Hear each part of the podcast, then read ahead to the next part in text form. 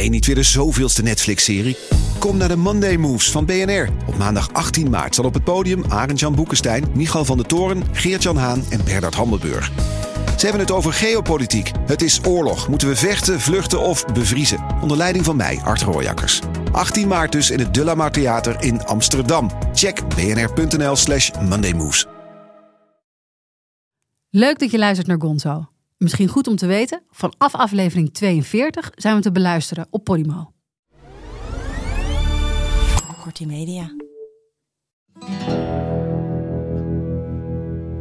Ik denk dat ik nog nooit iemand op een, op een operatietafel heb gelegd en zo heb ontleed. Ik denk, ik dacht op een gegeven moment, ik ken je zelfs beter dan dat je jezelf kent gewoon. Ja. Dat is heel gek, hè? Je hebt iemand nooit ontmoet, maar je weet alles van iemand. Dit is Gonzo, de podcast waarin we praten met journalisten over dat ene verhaal in hun carrière dat ze altijd is bijgebleven. Dat kan zijn omdat het een scoop was, omdat het riskant was, gelauwerd, ontroerend, onthullend of gewoon omdat het een goed verhaal was. Mijn naam is Merel Westrik, tegenover me zit Frans Lomans. Frans is de oud-hoofdredacteur van Sportweek, Panorama en Nieuwe Revue. Frans, goed dat je er bent. Ja, nou, goed dat jij er ook bent, eh, Merel. Ja, anders konden we niet beginnen. Anders eh, hadden we geen huis. Exact. Frans, eh, de journalist die we dit keer hebben uitgenodigd, ehm, die kreeg achteraf ontzettend veel kritiek op de uitzending die hij maakte. Ehm, heb jij dat wel eens meegemaakt? Dat een stuk van jou volslagen bekritiseerd werd? Of, of bij een blad of zo gewerkt waar, waar dat... Nee, nee, niet in de mate waarin onze gast daarmee te maken heeft gehad. Hè. Wat onze gast heeft gedaan, dat, dat is gewoon eh, eh, het hoogtepunt in journalistiek. Dit is eh, ieder, ieders natte droom. En zo'n natte droom heb ik nog nooit gehad. Zoals onze gast. Maar misschien denkt hij daar zelf heel anders over. Hè? Vindt hij het helemaal geen natte droom. Maar Nee. business as usual. Wie weet. We gaan erachter komen. We gaan naar onze gast. In de studio dit keer Sinan Jan. Welkom Sinan. Sinan, eh, we beginnen altijd even met een eh, kort cv. Dat is in jouw, eh, jouw geval is dat onmogelijk, maar ik ga het toch proberen. Ik ga een aantal dingen noemen. Je begon je carrière bij CNN Turk in Istanbul. Je liep daar stage, bleef er een aantal maanden hangen. Daarna ging je aan de slag bij het tv-programma Zembla van BNN-Vara. Nu maak je al een tijdje documentaire series bij diezelfde omroep. Ja, bijna te veel inmiddels om op te noemen. Ik ga er toch een aantal noemen. Onze missie in Afghanistan, in het spoor van IS. Voor eh, bloedmineralen, de talkroute, ontving je een tegel. Voor Retour Kalifaat ook een tegel. Je won een loop, beste onderzoeksjournalistiek. Van je documentaires eh, Bloedbroeders en de Arabische Storm verschenen ook nog eens boeken. Voor breuklijnen woonde je in Europese probleemwijken. Frans zit al te zeggen, zit al te Nee, van, nee, nee. stop, het, stop. het lijkt nu of we het over een man van een jaar of tachtig hebben. hè, Wat hij allemaal heeft gedaan. En dat is niet Het zo. zou mijn zoon kunnen zijn qua leeftijd. Ja, ik maak het even af. De laatste docuserie die je maakte is eh, Sinan op zoek naar het paradijs. Waar ben je het meest trots op? Op het laatste wat ik heb gemaakt. Ja? Dat zeg ik altijd. nou, nee, oh, echt. eh, het grappige is dus dat eh, op zoek naar het paradijs, de zachte en de hoopvolle en de romantisch-poëtische kant van het Midden-Oosten, echt iets, een serie was die ik ook graag eh, wilde maken. Dat heb ik samen met Thomas Blom gedaan, de regisseur. Echt zo'n serie waar ik echt heel blij van werd. Dus dit- het hele maakproces was ik, liep ik de hele tijd met een glimlach rond voor al die mooie eh, verhalen die eh, verteld mochten worden. En waar je misschien ook wel eh, voor het eerst in alles wat je hebt gemaakt blij werd van het maakproces? Ja, ja, ja. Ik, alles wat ik maak, dat klinkt heel stom en misschien een beetje ondankbaar, is toch een beetje strafwerk. Ehm, en strafwerk omdat het veel te maken heeft eh, met plekken waar ontzettend veel leed is van mensen. En eh, ja, ik heb daar verder niks mee te maken. Wij komen het verhaal halen en keren weer terug naar ons veilige eh, landje. Ehm, eh, maar wel altijd verhalen waar, die je ook meeneemt, mentaal ook. En veel met kinderen. Ehm, ik heb natuurlijk dat hele IS van begin tot eind verslagen. Eh, de opkomst en eh, de hoogtijdagen en de, de neergang. Ehm, en nu was het een keer eh, een mooi reisverhaal. Met mooie, echt ontzettend ontroerende verhalen van een man van 83 die dan zijn vrouw al 28 jaar mist en bomen is gaan planten om zijn verdriet te verwerken. Of een je man die als jong is achtergelaten in een klooster en ruim 70 jaar op zijn moeder heeft gewacht. Omdat zijn moeder had gezegd, ik beloof je dat ik je kom ophalen, maar ze is nooit gekomen. En, uh, en het zijn allemaal verhalen over de liefde. En, en, en eens een keer echt die zachte kant van een, van een regio die we eigenlijk alleen maar kennen van oorlog en ellende en conflicten. En um, dus ik werd daar heel blij van. Dit was je poëziebundel naast al je ja. uh, uh, harde non-fictiewerk. Ja, ja, klopt Frans. Ja, ja. Dan toen we je vroegen om uh, hier te komen praten over dat ene verhaal uit je carrière dat je altijd is bijgebleven. Wist je toen meteen welk verhaal dat moest zijn? Ja. ja, dat wist ik meteen. En dat is ook een verhaal wat we niet, waar we eigenlijk nooit over praten. Uh, dat is een Zembla-aflevering die ik heb gemaakt, begin van mijn carrière. En er is eigenlijk veel gebeurd na de, na de uitzending. Um, we hebben, ik heb dat samen met regisseur Jos van Dongen gemaakt. En Kees Driehuis was toen de eindredacteur, die er helaas niet meer is, die ik heel erg mis ook.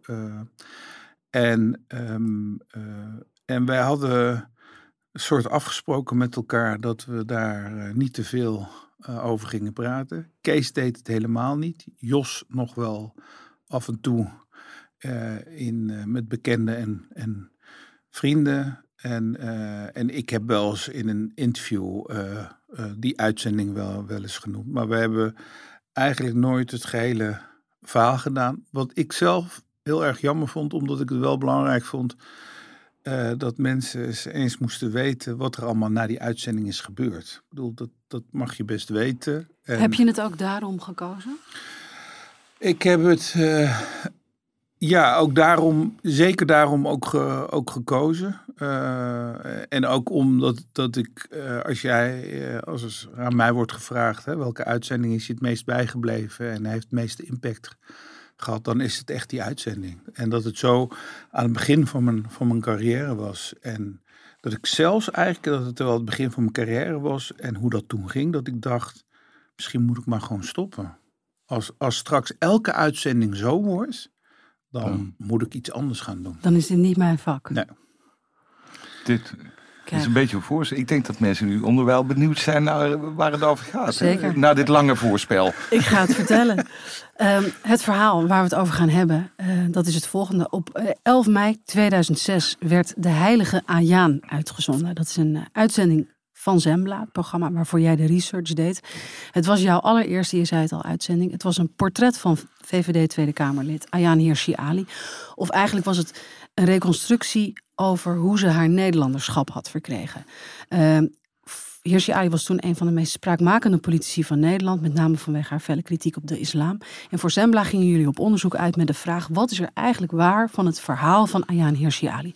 Waar komt ze nou echt vandaan? Is ze daadwerkelijk gevlucht? Uh, heeft ze oorlog meegemaakt? Is ze echt uitgehuwelijkt? En hoe is haar Nederlanderschap nou uiteindelijk tot stand gekomen? En dat bleek heel anders te liggen dan dat ze zelf uh, beweerde. Impact van die uitzending was enorm. Gaan we het zo over hebben. Ja. Maar laten we eerst bij het begin beginnen. Wat was de aanleiding van het onderzoek? Nou, uh, ik heb dit eigenlijk niet bedacht. Jos van Dongen is met dit onderwerp gekomen. Uh, hij zei, uh, nou ja, een van onze taken is het controleren van macht. Dus waarom zouden we niet een, een van de 150 Kamerleden doorlichten? Maar de trigger was eigenlijk het verhaal van Taida Pasic. Een ja. Servisch-Nederlands meisje uh, die in detentie werd gezet. Ze mocht haar VWO-eindexamen niet doen um, Verdonk die nogal hard in, in, ingreep um, uh, met regels en regels en Iron, Iron Lady. En, Want zij was illegaal in Nederland. Zij was illegaal in Nederland en ze woonde er al een aantal jaren en ze was, ze was bezig met haar eindexamen voor, de voor het VWO. Um, nou, van de VVD wisten waar ze, waar ze stonden. we wisten waar Rita Verdonk stond. Maar wat wij zelf heel opvallend vonden, is dat in die periode Ayaan Hirsi Ali, VVD-Kamerlid toen, ook allerlei uitspraken deed. Bijvoorbeeld een van die uitspraken die ik eigenlijk nooit ben vergeten, is dat ze zei. ehm, ehm, er zijn wel eh, jaarlijks 20.000 Taida Passage die voor de deur van Europa staan en aan de deur eh, eh, kloppen. En ze had daar zo'n harde lijn in. dat wij dachten, is wij gaan eens even naar jouw vluchtverhaal Ja. kijken. Want ehm, wij dachten natuurlijk, we sluiten niet uit dat jij zelf ook een soort Taida Passage bent. Eh, wat we toen hebben gedaan is, eh, Jos heeft aan mij gevraagd of ik ehm, eh, alle interviews die ze in de buitenlandse media heeft gedaan, of ik die in kaart wilde brengen. Eh, en alle interviews die ze in Nederland, dus los van elkaar, eh, wat ze in de buitenlandse media en wat ze in de Nederlandse media. Geschreven interviews, televisie Alles, interviews. radio, alles, whatever. alles. Lokale suffertjes, echt Ja. alles gewoon. Alles. En dat was echt ontzettend veel werk. Daar ben ik echt een paar maanden mee, mee, mee, mee zoet geweest. En elke keer kijken ook van, wat zegt ze nou over haar moeder in The Guardian? En wat zegt ze over haar moeder in de Trouw? Wat zegt ze over haar zus in Opzij? Wat zegt ze over haar zus in de New York Times? En dan zag je dat het twee verschillende verhalen waren. Dat ze in de buitenlandse media eigenlijk, laten we zeggen, eerlijker was over eh, eh, haar gezin en haar haar Somalische familie. En in de Nederlandse media had ze een beeld gecreëerd van haar vader bijvoorbeeld. Dat het iemand was die eh, traditioneel was, haar had uitgehuwelijkt. eh, een heel verhaal over, over, over, over haar zus. Eigenlijk allemaal verhalen die je niet in de buitenlandse media terug zag. Ja, Misschien dacht ze, mijn vader leest mee. Ja. mee.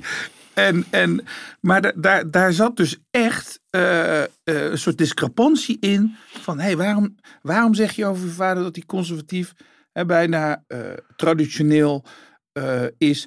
Terwijl je in een ander interview zegt dat hij twee universiteiten heeft afgerond. Namelijk in Bologna in Italië en Columbia in Amerika. En juist een nogal vooruitstrevend progressieve man was ook gewoon. Ook tegen vrouwbesnijdenis was.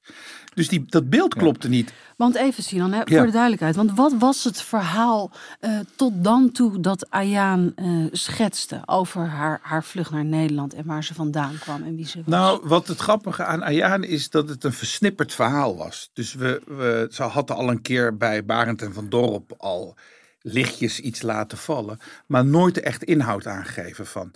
En nooit echt gezegd van jongens luister, ik heb het ook allemaal verzonnen.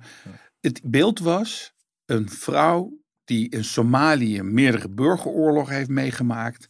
Te maken heeft gehad met eh, eh, eh, een conservatief gezin die haar heeft gedwongen heeft uitgehuwelijkt. Naar Nederland is gekomen, hier is uitge. eh, ja, dat ze hier- is eigenlijk. ja, ja, nee, niet, niet eens zozeer gestrand, maar dat ze eh, hier ondergedoken is voor eerwraak en Ja, zo.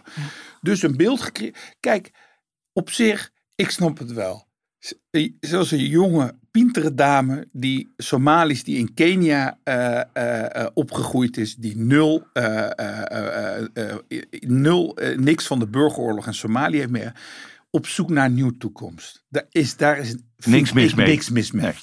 Vervolgens komt ze naar Nederland. Ze doet het ook geweldig. Laten we gewoon heel eerlijk zijn. Hè? Binnen tien jaar is ze Tweede Kamerlid ge- eh, eh, geworden. Een wereldprestatie. wereldprestatie voor iemand die, die van ver komt, maar heel gedreven is.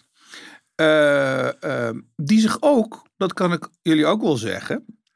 Zij is niet iemand die ideologisch gezien voor mij helemaal aan de verkeerde kant staat. Los van dat ik vond dat ze heel polariserend was. Maar de dingen die ze aanstipte, vrouwbesnijdenis, vrouwenonderdrukking, dat zijn allemaal dingen waar mijn moeder zich ook al 30 jaar sterk voor maakt. Ja. Dus die thema's, daar, daar steun ik haar ook Ja, echt in, ja, ja. serieus. Ehm, maar ze is naar Nederland gekomen, eh, eh, heeft natuurlijk bij het IND een verhaal verteld om eh, de verblijfsvergunning eh, te krijgen, is Kamerlid geworden. En ik had verwacht dat, ook al zit je bij de VVD, ehm, dan zou je twee, kunnen, twee dingen kunnen doen. Je zou bij die zaak van Tijda Bassies kunnen zeggen, ik hou me rustig, ik ga niks zeggen. Maar vervolgens zo, want ik vond het echt hypocriet, Ja. dat je zo de media opzocht om een meisje van 16 af te branden als een soort gelukzoeker. Hè, zoals de vele gelukzoekers die misbruik maken van onze, van onze sociaal systeem en land. En dan denk ik, ja, maar ja, jij bent degene juist hier gebruik van heeft gemaakt. En dan zou het je sieren om hier wel iets rustiger en misschien tijden pas iets wel of niet te, te steunen. Ja. Ze hadden in ieder geval kunnen zwijgen. Hè? Ja, ja je had Ja, ook kunnen bedoel, zeggen van dit is een gevoelig dossier. ja, Ik- ja. Maar ze nam echt de vlucht naar voren. En, en, en ja, wat je dan gaat krijgen is journalisten die dan denken... hé, hey, wij gaan eens even kijken naar jouw verhaal. Ja. Was, was jij de eerste journalist die, of waren jullie het eerste programma dat dit deed, die Ja. haar wilde gaan checken? Ja, ja. Niemand was op dat idee gekomen. Nee, want dat is nooit gebeurd. En Waarom niet? omdat zij daarom die titel ook... Ze was on- ondertussen een heilige geworden in Nederland. Eh, zat veel aan tafel, gesteund door, door veel mensen in de media... en ook veel mensen buiten de, eh, de media als een soort symbool...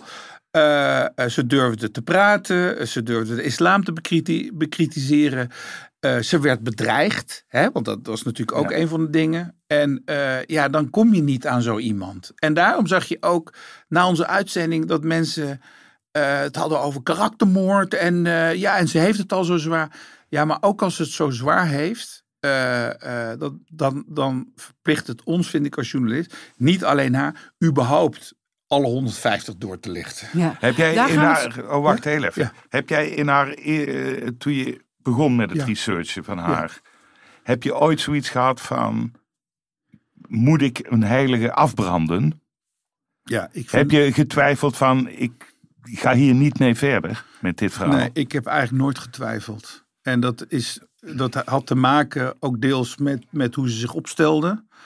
Eh, en omdat ik ook wilde weten hoe het dan echt, echt zat. Eh, eh, en ook deels te laten zien hoe hypocriet de VVD is. Hè? Want daar ging het eigenlijk over. Namelijk hard naar buiten. Maar ondertussen heeft zich dus iemand gemeld die heeft gezegd... jongens luister, mijn verhaal klopt ook niet. Maar daar hadden ze dus geen problemen mee. Nelly Kroes niet, Bas Eenhoorn niet, Gerrit Salm niet. Want die drie hebben dat gesprek met Ayaan gevoerd. En die heeft in dat gesprek eerlijk gezegd... jongens luister, mijn vluchtverhaal klopt niet helemaal. Ik kan jullie in de problemen brengen. Sinan, ik wil even terug naar Ja. de zoektocht. Want Ja. eh, in de uitzending van Zembla eh, die je maakt, ehm, krijg je, krijgen jullie ontzettend veel mensen te spreken die heel dicht bij Ja. haar hebben gestaan. Eh, de, van de vrouwen die haar als eerste in Nederland opvingen, tot de man met wie ze trouwde, of aan wie ze uitgehuwelijkd was, broer, tante. Hoe ben je die allemaal op het spoor gekomen? Ja, dat is echt maanden werk, echt maar. En ik denk dat ik nog nooit iemand op een, op een operatietafel heb gelegd en zo heb ontleed. Ik denk, ik dacht op een gegeven moment, ik ken je zelfs beter dan dat je jezelf kent gewoon. Ja. Dat is heel gek, hè? Je Ja, hebt ja. iemand nooit ontmoet, maar je weet alles van iemand. Weet je nog waar je begon? Of bij Ik, wie? het begon met die interviews. Ja. Dus dat, dat, dat ik dat even in kaart heb gebracht. Daarna eigenlijk de Somalische gemeenschap in, in Nederland. Zij had, haar zusje woonde in Nijmegen. En ik kende daar mensen waar zij bevriend mee was. Ja. Via die mensen ben ik weer bij andere mensen terechtgekomen. Bij haar tante. Ik, we hebben haar moeder gevonden. We hebben haar broer gevonden. Ik heb haar vader gebeld. Die in Londen in Whitechapel woonde. Die wilde niet meewerken. En dat heb ik gerespecteerd. Ik heb hem één keer gebeld. Ontzettend aardige, aardige man. En die zei, eh, wat ze ook doet, het blijft mijn dochter. Ja. En ik ga dat gevecht niet in de media. En ik respecteer Heel legitiem. Ja, Ja. En, en, eh, eh, en hij hield nog van zijn dochter. Dat voelde ik ook nog. En hij zei, ja, dat is het. Het, het is, eh, wij hebben weliswaar ruzie met elkaar.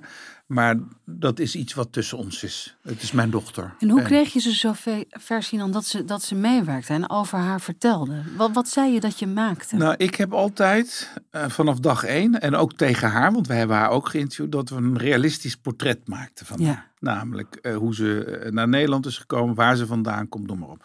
Nu waren er al een aantal portretten van haar gemaakt. Dus zij dacht, ja, dat is gewoon zeg maar de...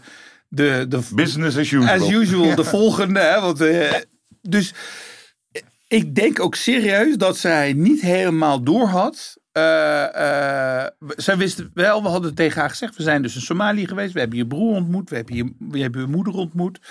eh, we hebben je ex gevonden in Canada. Eh, ontzettend leuke man. Ja. Nee, maar ontzettend sportieve man ook. Hij zei ook van luister, wij hebben elkaar leren kennen.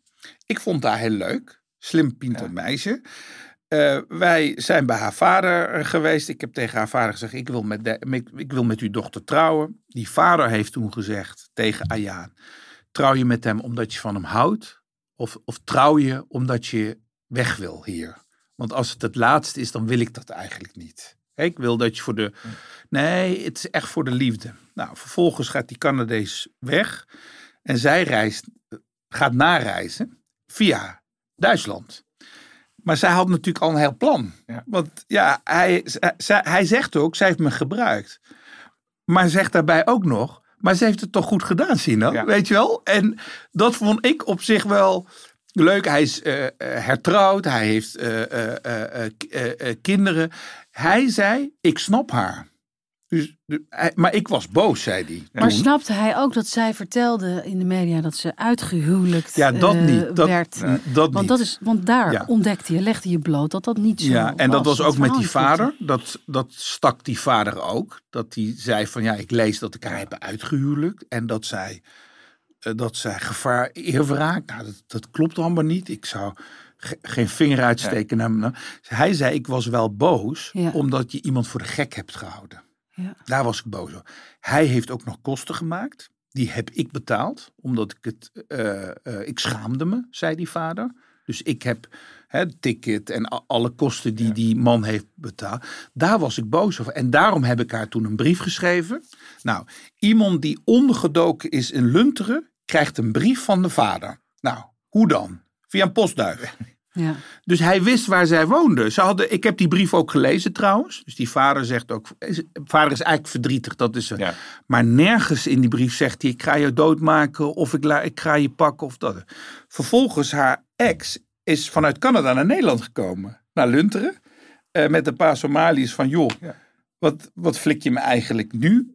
Keurig aangeklopt, hè? zeker. Op de caravan. Ja, keurig aanklopt. En hij, zij heeft gezegd, ja, ik wil jou eigenlijk, ik wil, ik wil jou eigenlijk niet. Nou, en hij heeft gezegd, dat eh, is dan verdrietig eh, eh, voor mij.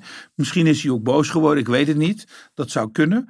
Ehm, en dus, nou ja, via eh, de broer, de ex. eh, eh, Want was dat allemaal via, via, via? Ja, als als ja. dit gaat om het journalistieke Ja. handwerk van de een naar de ander, opzoeken, praten. Ja. Vervolgens vind je die brief, vind je nog een kaart waar een adres op staat. Vind je een liefdesbrief waarin ze het uitmaakt met iemand. Dus je krijgt een heel overzicht van namen en adressen van mensen. En het was niet makkelijk om mensen over te halen. Ook de tantes van Ayaan niet. Ze hadden zoiets van, ja, wat, wat voor zin heeft het? En waarom moeten we eh, eh, hier- hierover praten? Heel vaak eh, haakten ze ook af. Elke keer ging ik dan weer naar Den Haag om te zeggen van, nou, het is wel belangrijk. Omdat we een, zo'n realistisch mogelijk programma willen maken. En het verhaal willen vertellen wat nog niet is verteld. Namelijk het, hè, tussen haakjes, Het het echte echte, verhaal. verhaal. De, fik- Klinkt ook een beetje Nee, maar dat, ja, eh, nou, maar- is ook tendentieus. Ja. Ik vind dat eh, daar moet je altijd mee oppassen, het echte verhaal. Ja. Maar gewoon, laten we zeggen, een perspectief Ja. eh, wilde vertellen. Een van de voornaamste bronnen in het eh, programma was haar broer. Ja. Hè? Die hebben jullie als een soort rode draad eh er doorheen geweven. Eh, hoe kwam je aan hem? Concreet? Concreet, eh, eh, wij wisten dat hij in, in Nairobi woonde. Ehm, in, in de wijk waar Ayaan eh, is eh, opgegroeid eigenlijk. Eh, wij, via hem hebben we dus ook de moeder gevonden. Ja. Dus, en we hebben hem meegenomen ook naar de, naar de moeder. Die broer, die eh, ehm, was heel aardig. Ook niet onaardig over Ayaan hoor. Nee. Maar we wilden een aantal, nou over dat uithuwelijken natuurlijk weten. Nou, dat, dat vond hij natuurlijk allemaal flauwekul. Eh en vervolgens, en dat, dat vond ik het meest vond ik het meest schokkende. Toen wij Ayaan hadden geïnterviewd, vroeg Ayaan aan Jos, Jos van Dongen, die dus eh, het interview deed, heb je het nummer van mijn broer? Terwijl ze Ach. de hele tijd zei dat een goede relatie en, en zo zorgzaam met die broer. En, en eh, bleek dus dat ze haar familie helemaal, helemaal niet meer belt. Dus Jos heeft nog het nummer van de broer gegeven. Zij belt die broer. In een Nova-uitzending. Scheldt hem uit. Dat is niet vertaald. Dat zit gewoon in de uitzending. Wij, wij hebben dat stukje gepakt na de uitzending. En is laat, aan een Somali laten vertalen. Wat zegt zie je nou? Nou, hij wordt verrotte vis en van alles. En waarom heb je gesproken? En eh, eh, eh, dit en dat. Vervolgens heeft ze hem daarna nooit meer gebeld. Dus dat, dat zegt ook iets over hoe zij in het leven stond. Namelijk, alles en iedereen is dienstbaar voor mij. En als ik er klaar mee ben, ben ik er klaar mee. Die hele grote groep vrienden die ze had. Hè, al die, al die mannen en vrouwen die stonden te huilen toen we deze uitzending maken. Een deel daarvan spreekt ze niet meer hoor. Die heeft ze al lang afgesloten, want ze is begonnen aan een nieuw leven. Dat was ze natuurlijk al in Amerika. En zij is heel, ook in haar vriendschappen, eh, heel eh, Opportunistisch. opportunistisch, doelgericht, pragmatisch mag je ook dat, zeggen. Maar jij- dat, dat moet. eh, toch, toch nog heel even naar die broer. Hè. Die laten jullie in de uitzending ook zeggen van... jullie gaan met deze uitzending niet Ayaan naaien. Nee, ik bedoel Ja. niet letterlijk zo, hè, maar eh, naaien is niet een woord dat eh. Somaliërs eh, gebruiken. Eh, waarom zei hij dat? Waarom hebben jullie dat er ook ingelaten? Omdat wij vonden, en dat vind ik nog steeds, dat we zo transparant mogelijk eh, eh, ook naar die broer toe eer, eer- eerlijk waren. Dus die broer had daar zorgen over. Hè, van, nou ja, wordt, wordt dit, interview dan niet gebruikt? En wij vonden het toch goed om dat in de uitzending te stoppen. En daar hebben we heel veel kritiek op gehad. Eh, maar dat laat ook, ook zien, vond ik, een deel van eh, hoe wij het hebben, hebben, hebben gemaakt. En dat die broer daar dus zorgen over, over, Ja. over had. En eh, die broer had ook nog wat mentale eh, problemen. Dus wij moesten ook met hem voorzichtig eh, eh, ehm, eh, eh, omgaan. Maar we hebben ook naar Ayaan toe eigenlijk heel transparant. Ook van we zijn er geweest. We hebben je ex gesproken. We hebben je moeder gesproken. We hebben je vader eh, eh, gesproken. En eh, ja, zij had eigenlijk niet verwacht dat we zo diep onderzoek hadden, hadden, hadden, hadden gedaan. En, ehm, ehm, en dat er dus van dat hele vluchtverhaal eigenlijk maar heel weinig klopt. De Want- oorlogen kloppen niet, Nee. eerwraak klopt niet, Nee. uithuwelijken klopt niet. Dat die vader een soort conservatief, dat klopt ook niet. Want dat was juist een hele prog- progressieve eh, man. Maar daar kom je dus gaande achter. Dus je ontdekt Ja. allemaal dingen die niet kloppen. Ja. Of je bevestigt dat er allemaal dingen niet kloppen aan Ja. het verhaal van uh, Ayaan. Wat, wat, wat hoorde je, uh, wat je echt nog niet... Wat hoorde je waar je het meest van opkeek? Of waarvan je dacht, shit, dus... Nou, waar, waar, zij had een heel verhaal verteld. Haar zus had ook mentale problemen. En die is uiteindelijk overleden. Uh, daarvan had ze ja, een heel stuk in opzij. In, een, in de naam van mijn zus en zo. Heel strijdbaar ding. En daarin zegt ze dat die zus uh, uh, door Korangeleerden geslagen en, en uh, mishandeld is. En waarschijnlijk aan de gevolgen daarvan is overleden. Ja, en dat maakte die familieleden zo woest. Die zeiden, zijn jullie gek geworden? Dat we, hè, die broer zei, denk je nou echt dat mijn zusje helemaal verrot heb, heb laten slagen, slaan? En ook dat die Somaliërs op een gegeven moment ook boos werden. Elke keer als we iets voorlegden. En dan ook tegen ons zeiden, maar geloof, je, geloof, je, geloof, geloven jullie dit dan? En Ze voelden zich echt een maar op een gegeven moment dacht je echt, er klopt gewoon helemaal niks meer aan je verhaal. Nee. En, en dat vond ik best uh, uh, best schokkend. Omdat ik dacht van ja, er zal toch wel ergens een soort ja. halve waarheden. Iets kloppen, ja. Dat, er, dat, er, dat, dat, dat er iets klopt, maar dat niks klopt. En dat, dat je alles en iedereen eigenlijk min of meer een beetje gebruikt voor jezelf. En, uh, maar dus ook niet omkijken naar je zusje, niet omkijken naar je broer. Slechte relatie met de vader, maar ook de moeder waar ze jaren geen, geen contact mee had. En je probeert de wereld beter te maken, terwijl de mensen in, je, in de eigen directe omgeving, haar kleine wereld, eigenlijk aan kapot gaan waren. En Sinan, je, uiteindelijk um, uh, was het idee dat al deze mensen vertellen over haar. En vervolgens ja. zouden jullie dit verhaal voorleggen aan Ayaan Hirsi ja. zelf. Wilde zij meteen meewerken? Ja. ja. En ze wisten ook dat ze dan de getuigenissen van haar vader, haar broer, haar moeder, ja. haar... Ja. Ja, ja zij, zij, zij, Dacht ze zelf dat ze de waarheid verteld had? Ja, ik, ik bedoel, wat, wat, ja, wat ging hem in haar hoofd om? Nou, ik, zat, ik zit daar dus al heel lang over na te denken. Het kan natuurlijk ook zijn dat je in je eigen waarheid gelooft. Hè? Dat je denkt ook van, nou, maar ja. ik hoef me nergens zorgen om te maken. Want ik vertel Hè, dit is gewoon de, de, de waarheid. Dus ik heb wel eens gedacht van, het zou natuurlijk best kunnen eh, dat zij dacht van, eh, ik hoef me geen, want ik vertel de waarheid. En dat er dan delen van het verhaal niet, niet, niet, niet helemaal eh, kloppen. Ik denk dat zij ook niet had verwacht dat wij erachter waren gekomen wat, haar, wat ze had verteld bij de IND, zeg maar. Hè? Wat, wat, wat, hoe ze eigenlijk binnen, binnen, binnen is gekomen. Ehm, dat ze het echt onderschat heeft. En zij dacht van, nou ja, er is toch geen journalist die mij eh, bekritiseert of afvalt hier in Ze Nederland. geloofde in de eigen heiligheid. geloofden, ze zat aan tafel, ze mocht altijd haar verhaal vertellen. Eh, er was ook nooit eerder iemand die zo diep onderzoek had gedaan eh, naar haar verhaal. En nu was het Sembla en, ehm, eh, en zij was echt verrast ook. Je zag ook dat ze in het interview Ja. ook stiller en stiller Ja. en stiller en stiller werd. Want wat er gebeurt, eh, zij zit in de uitzending aan tafel. Ja. En jullie schuiven een ouderwetse Ja. televisie eigenlijk eh, naar haar Jos toe. doet dat. Ja, daar wordt, daar wordt zij mee geconfronteerd. En jullie confronteren haar met die uitspraken die haar naasten doen over haar verleden. Eh, dat lijkt me, in het begin lijkt ze ook nog echt te genieten eigenlijk wel van, de, van de oud-bekende die ze ziet. Hoe spannend was die dag voor jou? Je eerste journalistieke baan, twee maanden daar in Ja. dienst. En dan, hoe, weet je dat nog? Nou ja, ik weet het nog, want ik, ik vond het heel spannend. Jos heeft een interview gedaan. De grap is, ik heb Aya nog nooit gezien. Dat meen je niet. Ja. Je, je was, Was je niet er mee. niet bij? Nee. Hoezo niet? Nee, ik was niet mee omdat het in de, eh, eh, in de Tweede Kamer eh, eh, was. Eh, Jos en eh, Frank Mol, cameraman, zijn daar naartoe gegaan. Eh, het klinkt heel gek, maar ik wilde het niet ook. Dus ik had zoveel onderzoek gedaan naar iemand. Ik wilde ook niet eh, als een soort eh, eh, figuur achter gaan zeggen: ja, maar je had dit Ja. en dit. Ik dacht, Jos moet dit interview doen. Dat heeft hij heel goed, heel goed gedaan. Ik heb hem het materiaal aan- aan- aangeleverd. Maar de grap is, ik heb haar dus nog nooit gezien.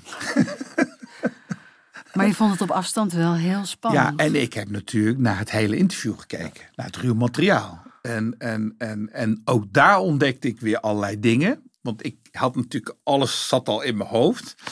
En ook in dat interview vertelden ze dingen die eigenlijk gewoon niet klopten. Maar hoe heb je dat beleefd? Was er niet een moment waarop je dacht: hoe kan, hoe kan, dit? Hoe, hoe, hoe- Ja, je zit ook wel, denk ik, en dat is natuurlijk ook wel eh, het gevaar in de journalistiek is natuurlijk, als je zo diep gaat, je kan ook in een tunnel geraken. hè. Dat, dat is echt, dat Ja. zie je ook bij officieren van justitie, journalisten he- hebben dat ook, dat je zo gefocust bent eigenlijk, eh, eh, dat je ehm, alles aan het ui- uitzoeken bent en daarin jezelf ook kan, kan verliezen. En ook qua zelfreflectie ook dat dingen gewoon antennes niet meer werken daardoor. Ik vind dat altijd het grootste gevaar in de journalistiek in, in de tunnel. En ik dacht, ik moet niet erbij zijn, dat dacht ik. Ik moet zo feitelijk mogelijk eh, ehm, eh, eh, de research aan Jos aanleveren. Dus niet, ik heb van Pietje Ja. dit gehoord. Nee, eh, deze bron zegt dit. Deze twee andere bronnen bevestigen dit verhaal. Dit heeft ze in The Guardian verteld. Dit heeft ze in Opzij verteld. eh, eh, dit heeft ze bij Nova gezegd. Dus alles eigenlijk in kaart gebracht. Nou, toen, wij hadden die mensen natuurlijk geïnterviewd. Wij hadden natuurlijk wel een verhaal. En, en, en zij... Want de conclusie was, laten we daar even. Ja.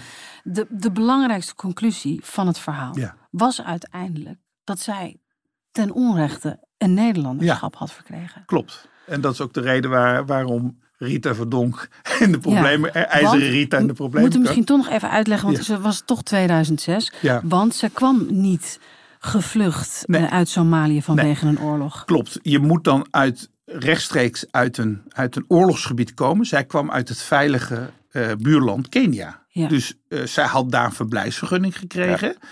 Eh, dus dan mag je niet nog in een ander land een verblijfsvergunning eh, krijgen. Plus, eh, ze had ook niet haar echte naam opgegeven in Nederland.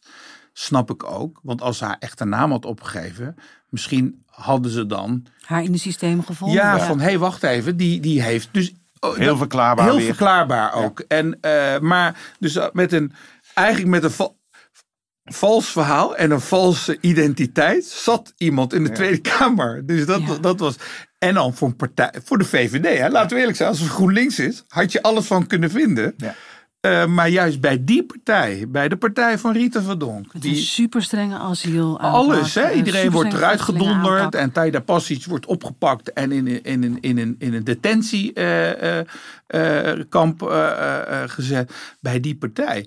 En uiteindelijk, ik denk wat de echte conclusie van het verhaal was. En ehm, eh, als, als we het dan even reflecteren van wat hadden wij nog beter kunnen doen.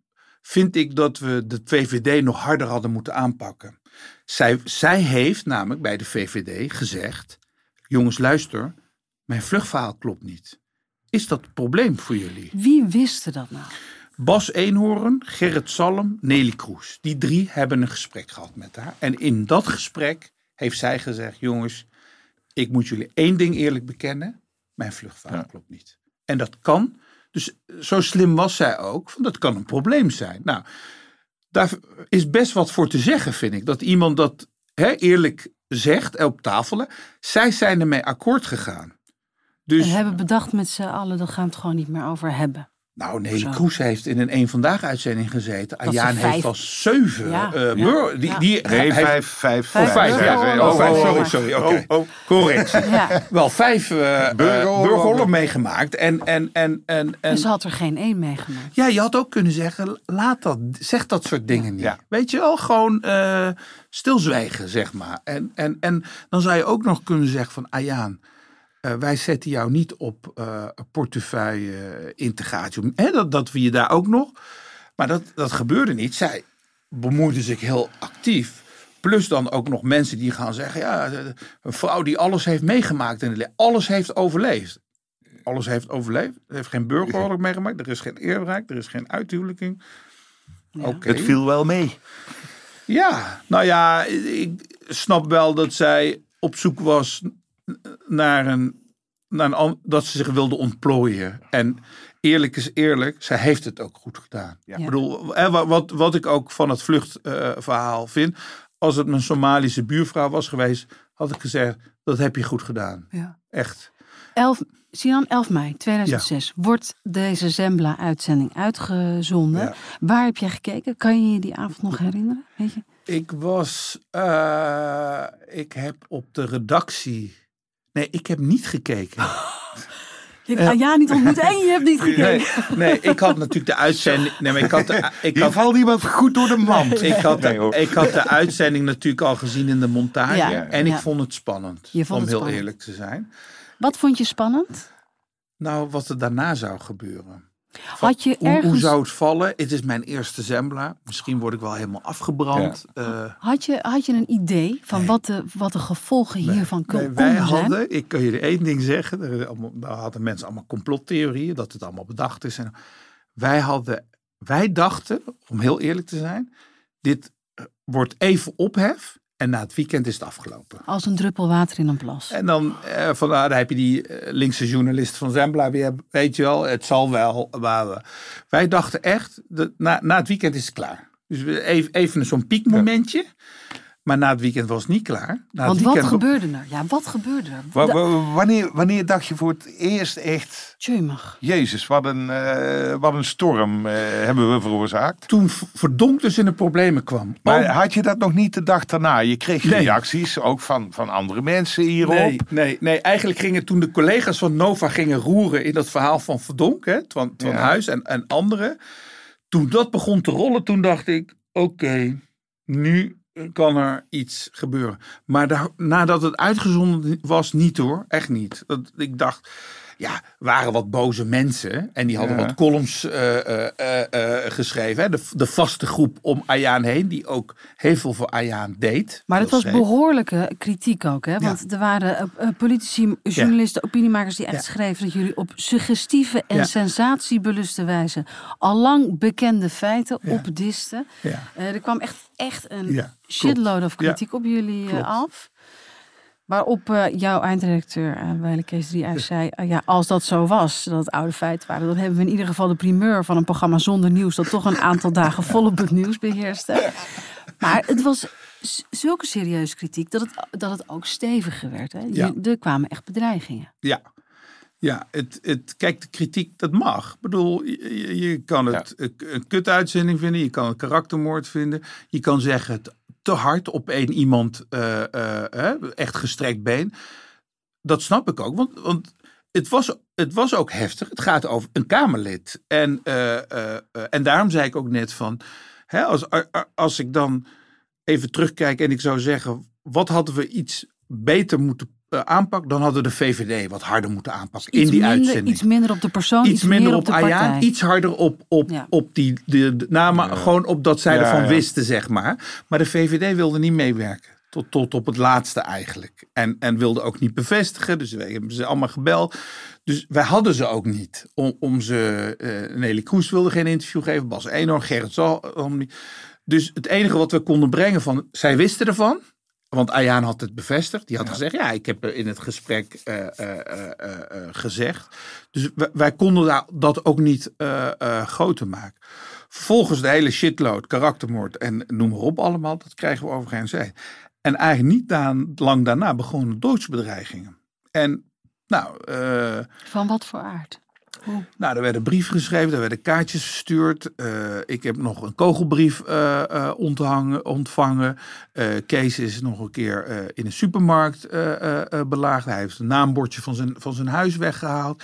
Ik werd s'nachts gebeld door mensen die zeggen dat ik voor de Saudische geheime of de Pakistaanse geheime dienst werk. En dat ik dit bewust heb gedaan. En dat het hele campagne tegen Ayaan is. Dat ik met mijn moslimachtergrond dit bewust heb, heb, heb ingezet. Waarvan ik altijd dacht, nou, ik heb wel een moslimachtergrond. Maar eh, met heel veel thematiek die Ayaan aanpakt. Veel dingen, los van hoe ze een moslim wegzet. Als het om vrouwenemancipatie gaat, daar steun ik haar eigenlijk in. Daar, daar zijn wij niet anders. Oh, en We hadden best vrienden kunnen zijn, Ja, ja. zeg maar. Maar je somt dit zo op, maar Ja. het is natuurlijk ontzettend heftig als. Het was heel heftig. En eh, eh, Kees Driehuis die zei, eh, ja, we hebben een klap uitgedeeld en nu krijgen we klappen. Dus we moeten dit maar hè, eh, on Ja, ondergaan. zo, zo cool. Zo cool, maar hij had de zwaarste klappen van ons Ja? allemaal. Ja, hij werd nog eh, in een cartoon als rat afgebeeld. eh, eh, Volkskrant volgens mij. En Kees had het heel zwaar. Heeft het, wilde ons ook uit de wind houden, mij en Jos. Heel veel dingen heeft hij me ook niet verteld, nog steeds niet. En ik kan hij natuurlijk ook niet meer Nee. vertellen omdat Kees overleden is. Maar als ik er dan naar vroeg, eh, ehm, ook eh, kort voor zijn overlijden, een paar maanden daarvoor, toen ik bij hem langs was geweest om, eh, om te lunchen, eh, zei hij, laat dingen zijn geweest en het heeft geen zin om daarover te praten. Wij hebben onze uitzending gedaan, we hebben onze journalistieke taak voltooid. Daar zaten geen dingen in die niet klopten. En it's, in the, it's all in the game. Want hij zei ook, je zei ook aan het begin dat hij er eh, destijds ook echt niet over wilde Ja, praten. Ja, tot eigenlijk het einde. Hij heeft er eigenlijk nooit over gepraat. En hij kan er natuurlijk ook niet meer over praten. Hij wilde, hij wil, hij wilde dat niet. En eh, Vanuit wat is dat, denk je? vanuit één deels ons beschermen, mij en Jos echt beschermen. Kees was, eh, eh, vond ik, de meest zorgzame, moedige eindredacteur die ik ooit in mijn leven heb gehad. Met, met afstand vind je dat, hè? Ja, ja. Niemand, niemand mag Nee. in de schaduw van Kees staan. Nee, dat kan niet, omdat ik, ik ken niemand die, die, die zo, eh, die de mensen waar hij mee werkte zo beschermde. O- ook al had je een fout gemaakt, dan kreeg je op de flikken van Kees, van eh, dit is niet. Maar naar buiten toe eh, verdedigde hij je. Hij liet je niet zomaar, niet zomaar vallen. Ik denk, met een andere eindredacteur, waar was ik met Jos van Dongen, waren wij ontslagen. Met de druk die op de VARA gezet werd en op Kees, daar, was, daar waren mensen echt onder bezweken. Maar hij, hij bleef vier overeind, verdedigde eh, ons. En ja, eh, ik werk nu twintig jaar in de media, maar ik heb nog nooit iemand meegemaakt die zoveel karakter heeft. Echt, daar ben ik echt. Die zo committed, zo zorgzaam is. Daarom noem ik hem ook altijd mijn, mijn, mijn, mijn mediavader. en als je zegt, wie, wie mis je? Ja, ik mis Kees Driehuis elke dag. En, eh, en hij was hard en hij was streng. eh, eh, maar, eh, maar wel altijd eh, vaderlijk en zorgzaam. En, en hij vond ook dat hij de klappen maar moest vangen in dit. En, dat voor, heeft hij ook gedaan. Ja. en wat voor druk werd er dan, je zegt, wat voor druk werd er dan op BNN-Vara gezet? Nou, op allerlei manieren. Een journalist die belt. Het is een informeel eh, gesprek. eh, eh, quote gewoon het hele gesprek in de, in de krant. Daar worden naar Vera Keur, uh, VARA-directrice, gebeld van die gasten moeten ontslagen worden. Dan hebben we het echt over mensen die posities hebben in, in, in het land. Niet zomaar uh, mensen die, die bellen. Maar politici? Of... Ja, politici, maar ook gewoon uh, mensen in de media. En ik ga maar verder geen namen noemen, maar wel mensen met macht. En, en die vonden dat we ontslagen moesten worden. En zelfs Ayaan heeft in een radio uitzending uh, gezegd dat wij min of meer gestraft moeten worden. En ik dacht, oké, okay, uh, maar wat is dit? Maar wat sharia? maar hoe heb jij dat beke bekeken, Sina? Want dit is natuurlijk een klassiek gevalletje van de boodschapper eigenlijk uh, ik, de schuld geven. Want in feite hebben jullie gewoon de feiten blootgelegd. Ja, ik ben me eigenlijk rot geschrokken. Ook omdat Ayaan heel erg voor vrij, vrijheid van meningsuiting stond. En ja. al die mensen om haar heen ook. Hè, want je mag ja. Alles zeggen tegen moslims. Maar als we jou dan doorlichten, dan, dan, moeten, wij, dan moeten we dood. En dan mag dat niet. En toen dacht ik, ja, dit is natuurlijk ook gewoon hoe het werkt. Hypocrisie. Uh, dan, dan, dan moet je zeggen, ik deel klap uit. En als ik af en toe een klap krijg, dan, dan draag ik dat ook uh, met me. Maar hier was natuurlijk, dit was natuurlijk geen mening, maar dit ging om feiten. Namelijk over een verhaal wat je hebt verteld, wat, wat, niet klopt. En nu, en nu blijkt dus dat die mensen waar, die jij beschuldigt van gelukzoekers en uh, 20.000 Taida passetje voor de deur, dat jij daar ook eigenlijk één, één, één van bent. En dat je ten onrechte in de Tweede Kamer zat met een valse identiteit ook nog. En, uh, en vervolgens in dat persconferentie ook die 300 namen opnoemen. Hè? Al die uh, uh, stamnamen en noem maar op. En zij had met die achtergrond en met dat gegeven natuurlijk eigenlijk iets heel moois kunnen doen in de politiek. Dat vond ik ook. Ik dacht, je kan ook de, de tegenkracht binnen zo'n partij als de VVD ja. zijn. Hè? Dat, dat je denkt van nou, ik heb deze positie verworven. Uh, en ik ga daar iets, iets nuttigs mee doen. En ze deed het ook. Ik bedoel, nu klinkt het alsof het een totaal nutteloze. Nee, dat dat nee. is niet waar. Nee, want, ze maakt ook heel veel bespreekbaar. Wat zeker. Was uh, zij ja. heeft zich heel erg sterk gemaakt tegen, tegen vrouwbesnijders. Ja. En dat is iets wat zij ook op de kaart heeft gezet. Uh, en ook als het om huiselijk geweld. Dat heeft zij goed gedaan. Daar, ja. daar, Diep dat, respect daarvoor. Ja, hè? zeker. Ik bedoel, als, ik, hè, als zij in die periode had, mij had gebeld en had gezegd: Sinan, ik ben wat mensen aan het verzamelen. Hè, we, gaan, we gaan een petitie. Had, ik had ja. meegedaan met ja. haar. En dat geldt ook voor huiselijk geweld en noem maar op. Weet je dat mijn moeder uh, um, uh, tegen mij uh, zei van. Um, je hebt helemaal gelijk dat jullie die uitzending uh, uh, hebben gemaakt over Aya. Maar zij heeft ook goede dingen gedaan. Als het gaat om die, die thema's waar mijn moeder dus ook al jaren ja, mee bezig is. Huiselijk geweld, eerwraak. Uh, maar je moeder was niet boos op je dat je nee, dit had die, gemaakt. Die je, je, mocht nog thuiskomen. Ik mocht nog thuiskomen. Ehm, mijn moeder vind, vond haar natuurlijk wel heel erg polariserend. En ook wel moslims echt in. Maar ze zei de, de, de, de thematiek als het om vrouwenemancipatie gaat. Ja, dan, dan dan zijn, is het eigenlijk een medestrijdster, zei mijn moeder. Weet je wel? Het is niet, zij is niet de, de tegenpool. Ja. En uh, dus daarom was het voor mij ook heftig om dat ik ja. beschuldigd werd van uh, uh, conspiracy met de ambassade Saudi-Arabië. dacht ik, ja, maar daar heb ik dus helemaal niks mee. Die, die hoek, van, die tak van de sport. Juist meer, meer eigenlijk in waar zij eigenlijk zat. Laten we heel even uh, luisteren naar hoe uh, de Zembla-uitzending eindigt. Ayaan Hirsi Ali, prominent Tweede Kamerlid van een partij die het asielzoekers zo moeilijk mogelijk wil maken. Zoals bijvoorbeeld Taida Pasic. Ook zij wilde hier blijven, maar werd teruggestuurd omdat ze gejokt had. En in de discussie met betrekking tot Taida, uh, dat Kosovaarse meisje, heeft u daarvoor haar gekozen dat ze mocht blijven? Of heeft u Ik heb gestemd? Tegen? Rita Verdon gebeld. En ik heb gezegd, uh, Rita... Ik heb ook je, gelogen. Mag ik je daarover lastigvallen? Ik heb ook gelogen. En toen heeft Rita letterlijk tegen mij gezegd... Ayaan, als ik toen de minister van Integratie was geweest... had ik je ook uitgezet. Maar dit, maar dit zegt dus ook iets over haar, hè? Dus in de media uh, uh, target je Taida Passic... en achterop bel je Rita om te zeggen van ja, ik, ik was er ook. Hè. Dus ik snap het niet helemaal dan. Je zou ook kunnen zeggen, ik zeg niks in de media, maar ik ga wel bellen met Rita. Ja. Dus dit, dit, dit ja, het bijna schizofreen gewoon. Dit is echt, ik snap het soms ook gewoon niet. Met wat ze zegt en wat ze doet en ook in die interviews niet. Want, ze- Ja. want ik geloof namelijk wel dat ze heeft gebeld. Dat geloof ik namelijk wel. Ja, ja. Dat, dat zij van Rita, luister, ik eh, heb ook ge- gelogen, kom op man, Ja. weet je. En op dit moment, eh, Rita Verdonk wist dus nu dat zij Ja. eh, gelogen had. Dat ze Ja. dus eh, waarschijnlijk Dus Rita Verdonk wist het al eerder. ja, ten onrechte haar Nederlandschap had verkregen. Het is nu, het is bijna 17 jaar geleden. Wat gebeurde er vervolgens? Er werden kamervragen gesteld, sowieso. Ja. Verdonk stelde een onderzoek in. Ja. Neem ons even mee, wat gebeurde er nog meer?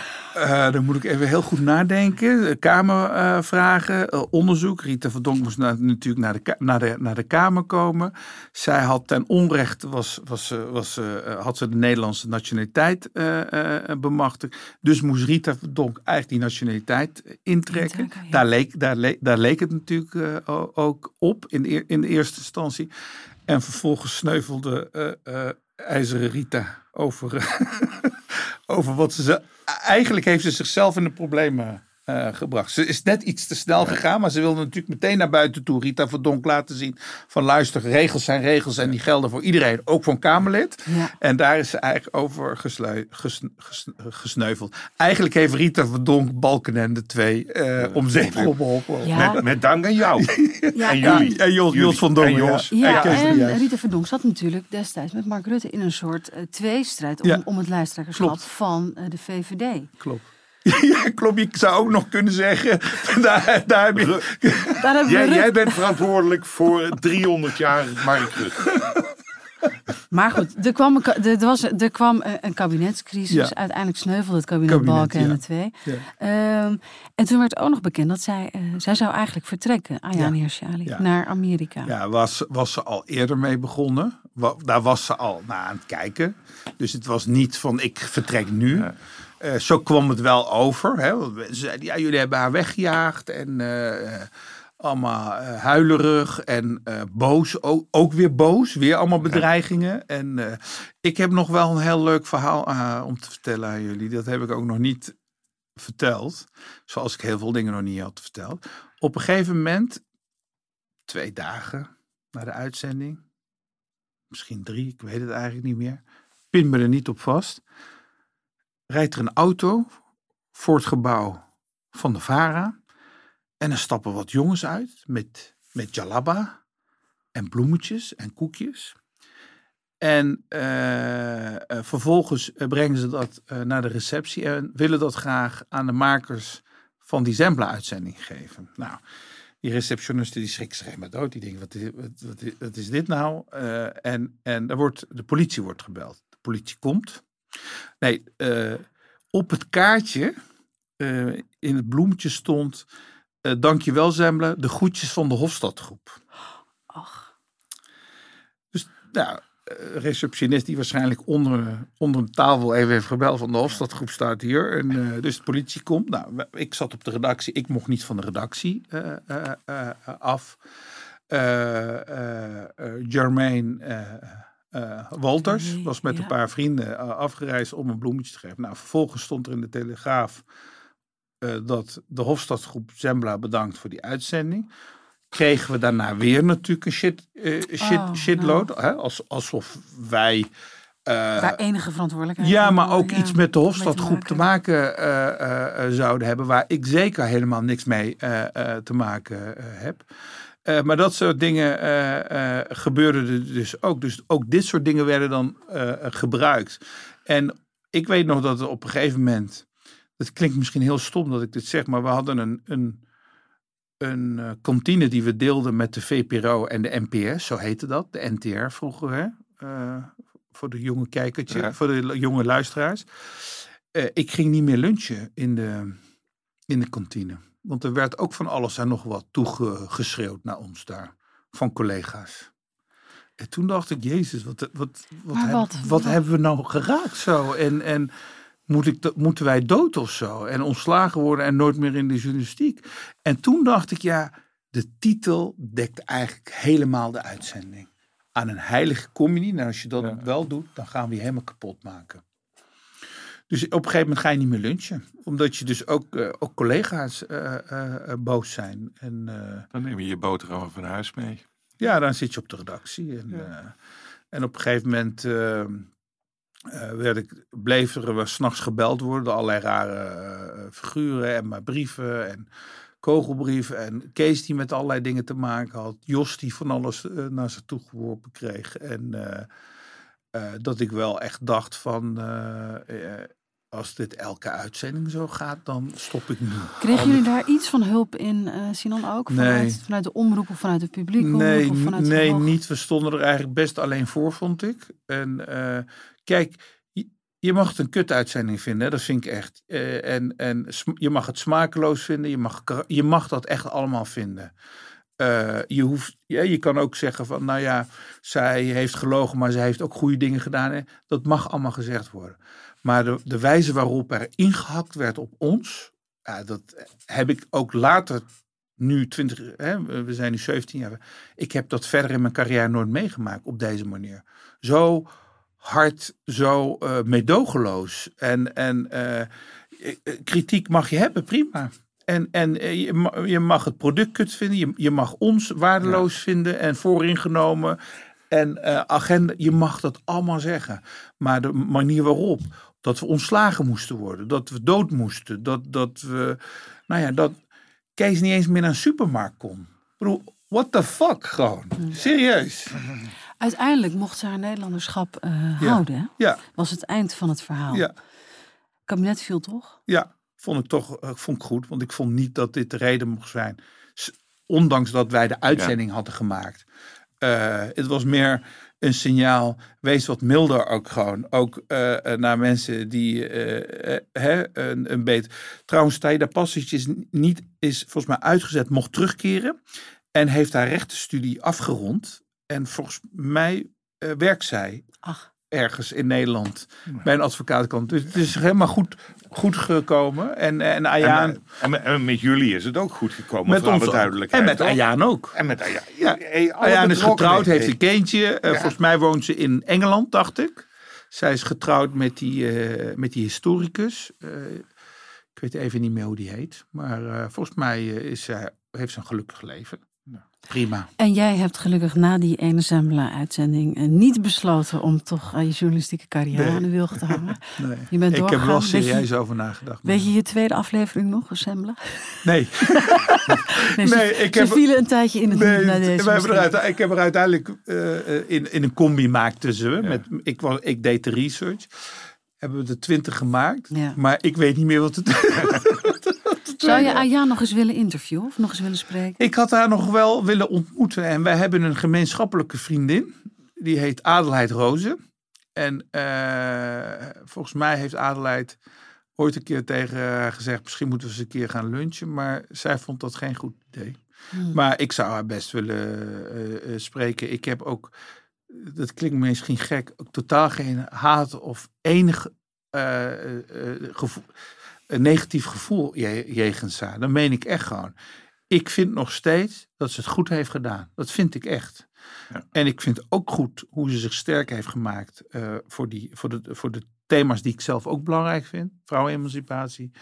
Eh, alleen ik vond de manier waarop ze in de VVD op, opereerde en ook naar anderen toe medogeloos was, want dat vond ik, eh, vond ik het gerechtvaardig om haar dan door te lichten. Ik vind dat je mag sowieso mag doorlichten. Ja.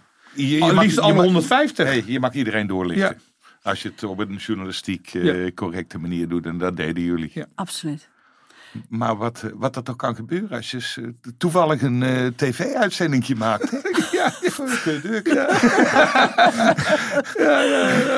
Blij, maar- dat, blij dat wij veel eh, veiligere dingen Nee, doen, maar, je- Merel. nee, nee, maar je denkt echt serieus, omdat je net komt kijken, denk je, ach joh.